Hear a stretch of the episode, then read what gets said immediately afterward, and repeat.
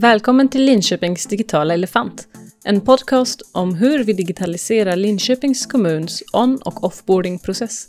Vi heter Felicia och Tess och vi är projektledare inom digitalisering på HR och vi gör den här podden för att dela med oss av våra erfarenheter. Och om ni lyssnade på föregående avsnitt så talade vi om bemanning. I det avsnittet intervjuade vi Sonja Erlandsson som är HR-direktör i Linköpings kommun om hur hon tänkte när hon bemannade vårt projekt. Och det här är hela intervjun från det samtalet.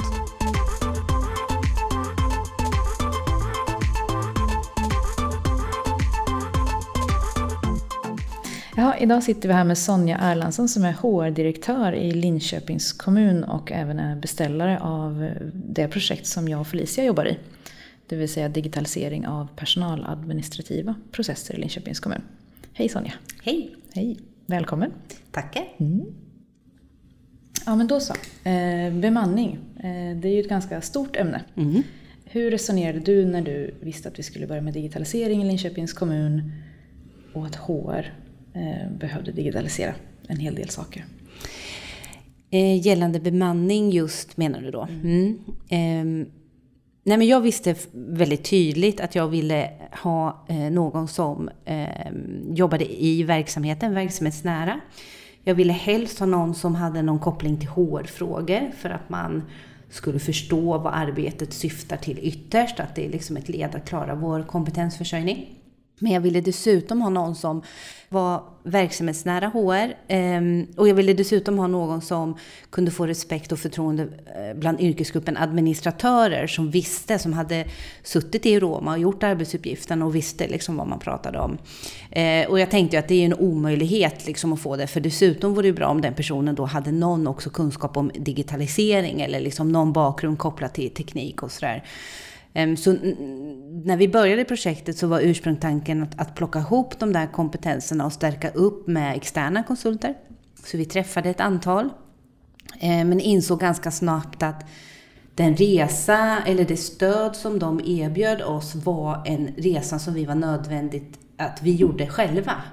Det, den, det, det, steget går inte att köpa sig förbi, för det handlar om att sätta sig ner och ta fram hur arbetar vi idag, hur ser våra flöden ut, vem gör vad, hur skickas informationen? Eh, och, och, det lärandet i sig måste man göra internt i min bestämda uppfattning. Och där kan man inte använda en konsult till exempel som stöd, eller hur gick resonemanget jo, som processledare mm. kan man det. Eh, men då eh, ligger den kunskapen och hela den resan samlat hos den processledaren och jag vill ha kvar det i organisationen. Eftersom det här är bara den första process vi tar tag i. Vi har ju väldigt många framför oss. Mm. Eh, så, så gick tankarna i början. Toppen. Eh, har du någonstans längs vägen tänkt ta in konsulter eller eh, tänkt att men det där var ett tokigt beslut från början? Eller hur känns det nu när vi är ett och ett halvt år in i den här processen? När man kan se tillbaka på. Ja, men det som hände var ju att jag faktiskt hittade den här kombinationen i en och samma person. Och det var ju faktiskt du Tess. Mm, så det var väldigt roligt. Ja. Eh, koppling till IT, eh, kunskapsbakgrund, jobba som HR och också har erfarenhet av administration och arbetsuppgifter. Um, så det blev jag ju väldigt glad för. Mm. Det fick jag ju det, jobba lite på att övertala din chef, men hon är duktig på att sätta på sig den stora hatten, så att det gick bra. Precis. Vi brukar säga att ta på sig vuxenbyxorna och se till helheten. Mm. Eh, så, så med den pusselbiten på plats så var jag ju jättepositiv att lyssna till externa leverantörer. För det ska man alltid göra, för man kan lära sig jättemycket av att lyssna på hur tänker andra kring och rigga den här typen av projekt och vad lyfter de fram och vad är det de liksom presenterar. Och det har vi gjort, vi har träffat flera. Mm. Med mer tankat av de kunskaperna och sen gått vidare själva mm. än så länge. Mm. Ehm, ja men det var ju den verksamhetsnära delen mm. i projektet. Eh, nu är vi ju både från IT och verksamhet. Hur mm. gick resonemanget eh, omkring det och andra kompetenser i mm. projektet? Ehm, ja, det är ju många viktiga kompetenser i sådana här projekt, men, men de två huvudbenen är ju den verksamhetsnära och sen är det ju det IT-nära. Och det var också, hade jag också en väldigt tydlig bild av att jag ville ha någon från LK Data, som är vår interna leverantör, av samma anledning egentligen att bygga upp en mer långvarig kunskap internt.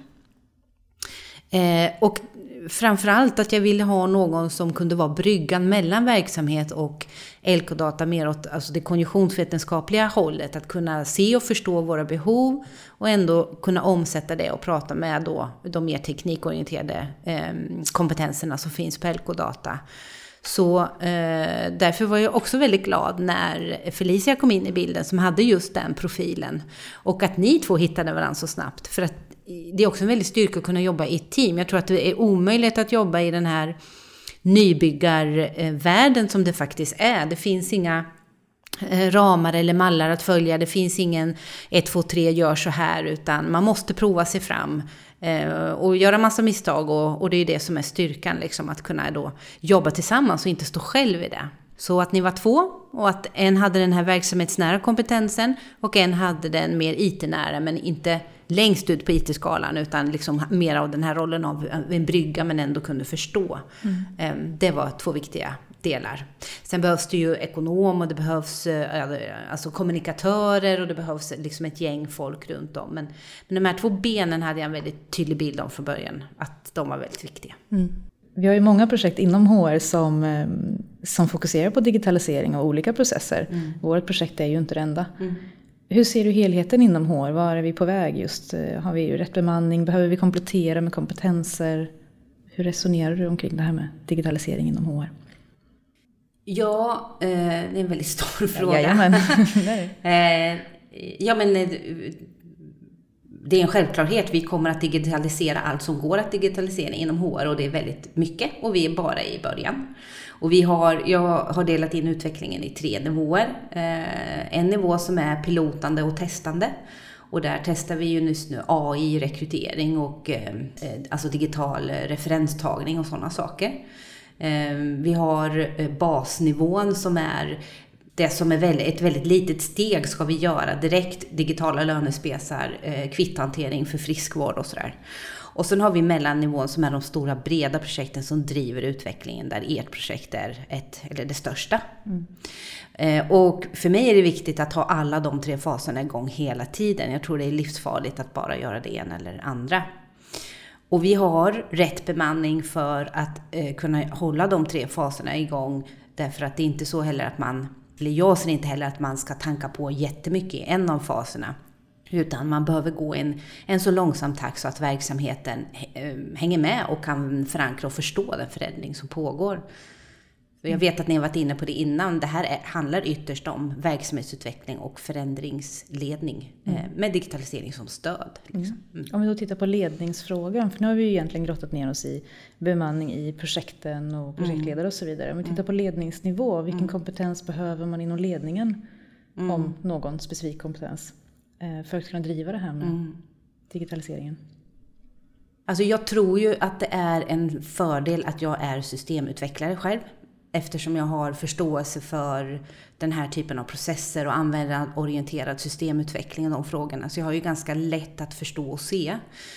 Och har man inte det som ägare av de här typen av utvecklingsprojekt, då behöver man skaffa sig det via andra så att man förstår båda delarna. Annars tror jag att det, det är väldigt lätt att helt förlita sig på andra som ska uh, liksom förstå hur du ska gå tillväga och vad som behöver göras och vilken kompetens du behöver komma in när och sådär. Ehm, och jag tror också det är lätt att man inte förstår vad är det som ska komma ut och när. Liksom. Ehm, och man, det behöver man ha även på ledningsnivå. Man kan inte förlita sig på att det finns bara på nivån under. Ehm, jag har andra kollegor runt om i landet som, som inte har den kanske kunskapen på ledningsnivå utan har beställt någonting som ska leda till något fluffigt som gör att det blir mycket enklare och billigare. Och man kan inte vara där som ledning, man måste kunna mer. Liksom. Mm. Så säg att man inte har den kompetensen idag, säg att man, är, man har HR-bakgrund mm. bara mm. Mm. som ledare. Mm. Vad rekommenderar du att man, att man gör i praktiken då? Som, som chef? Alltså man måste ju bli bästis med någon då som har den kunskapen och dela ledarskapet i projektet. Mm. Och skulle det kunna vara en IT-avdelning eller en extern konsult? Eh? Ja, både och mm. såklart. Mm. Mm. Men där man tillsammans kan forma ledning och styrning. Då. Mm. mm. Toppen. Om vi, om vi ser till dig då, vad, vad, har du lärt dig på det här ett och ett halvt åren som, som vi har varit igång? Du har ju varit igång längre egentligen. Tålamod. ja. eh, nej men jag har lärt mig massor såklart. Eh, att inte ja, men tålamod i en positiv bemärkelse. Alltså att, att eh, det var rätt att låta det ta den här tiden det har tagit hittills eh, och lägga så mycket tid på förarbete eh, som inte syns. Mm. Där man hela tiden får ge svaret, ja men projektet fortskrider som planerat, utvecklingsarbete pågår, vi har workshops. Och det är klart, efter ett år så blir det lite jobbigt att fortsätta säga det. Men vi har hållit i. Och jag har lärt mig att eh, vikten av att eh, verksamhetsutveckling med digitalisering som stöd måste gå till på det sättet. Mm. Eh, och fått det bekräftat. Jag trodde ju, det var ju därför vi ville upp projektet så, men verkligen fått det bekräftat känner jag. Mm. Mm. Ja, för det tror jag också är just den här ifrågasättandet om man pratar om kommunikation.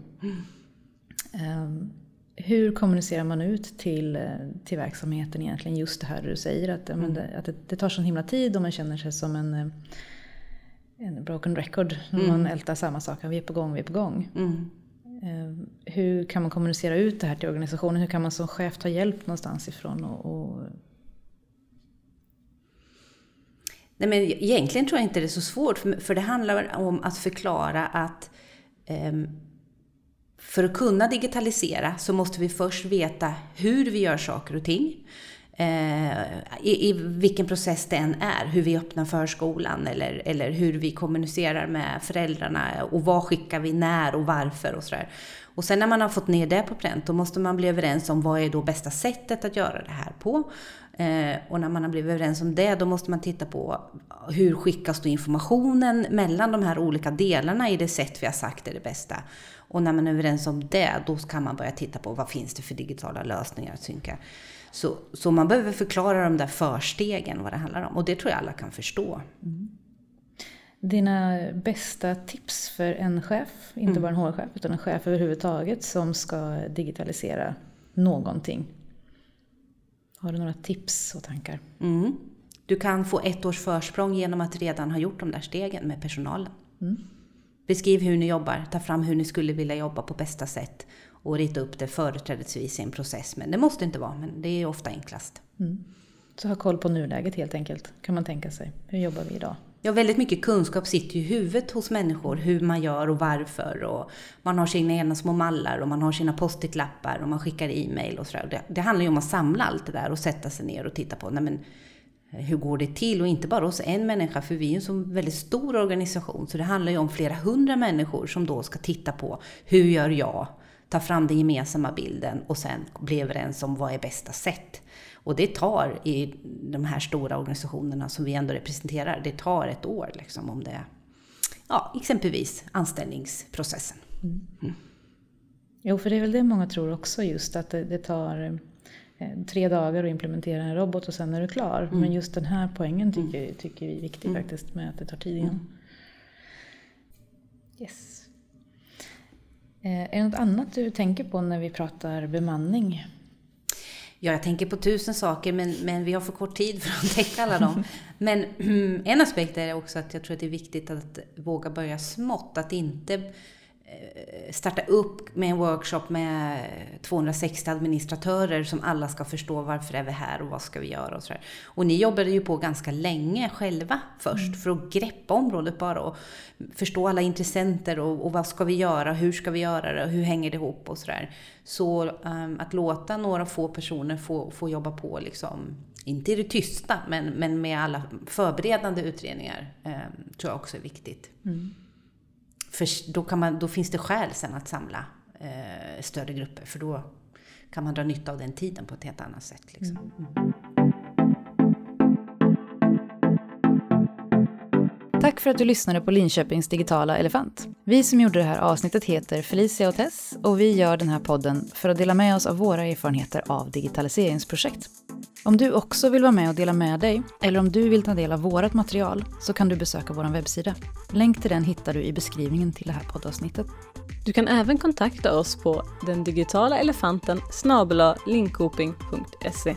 Du kan även följa oss på Instagram och Twitter. Där hittar du oss under namnet Linköpings digitala elefant.